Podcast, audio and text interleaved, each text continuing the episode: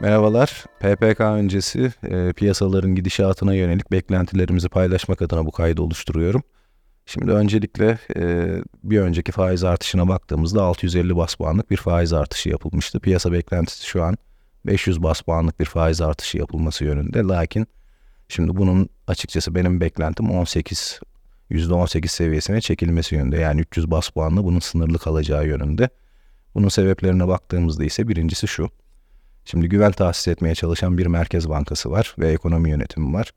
İlk faiz artışında 650 yapıp ikincisinde 500 yapmak demek zaten hani ilk faiz artışının yeterli olmadığını teyit anlamına gelir. Bu da güven noktasında ekonomi yönetimine duyulan güvenin sarsılması anlamına gelir. O sebeple 300 bas e, bu işi kapatacaklarını düşünüyorum. İkinci sebebe geldiğimizde ise malumuz bankacılık sektöründe e, bilançolarda tutulan men, menkul kıymetler var, dipsler var, tahviller var. E bu tarafta da bankacılık sektör bilançolarını, finansal, finansallarını negatif etkilememesi açısından da yüksek bir faiz artışı döngüsüyle orayı çok yıpratmadan, e, yüksek faiz artışını yapmadan biraz daha ılımlı bir faiz artışıyla orayı çok yıpratmayacak şekilde o tarafın karlılığını etkilemeyecek şekilde bir yol izleyeceklerini tahmin ediyorum. Artı zaten dönüp baktığımızda enflasyonda bir baz etkisi sebebiyle bir düşüş vardı. Şimdiki mevcut e, koyulan vergilerle beraber biraz daha enflasyonun yukarı yönlü hareket etme ihtimali, baz etkisinin en azından nötrlenme ihtimali oldukça yükseldi. Ama e, bunun tabii tüfeği endeksi kağıtların ne derece olduğunu o, her banka bilançosu için ayrı ayrı bakmak lazım.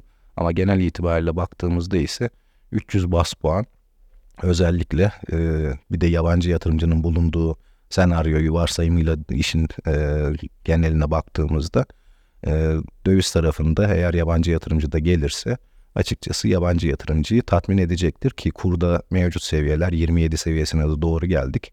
E, yabancının girdiği özellikle dips tahvil e, ve işte menkul kıymet pay piyasalarında ise senedi piyasalarında işlem yaptığını da varsayarsak o zaman 27 seviyesinden varsayalım 21 seviyesine veya 20 seviyesine geldi veya 18 seviyesine geldi veya 24 seviyesine geldi. Yani daha düşük bir seviyeye geldiğinde bir kurdan getiri elde etmiş olacaklar.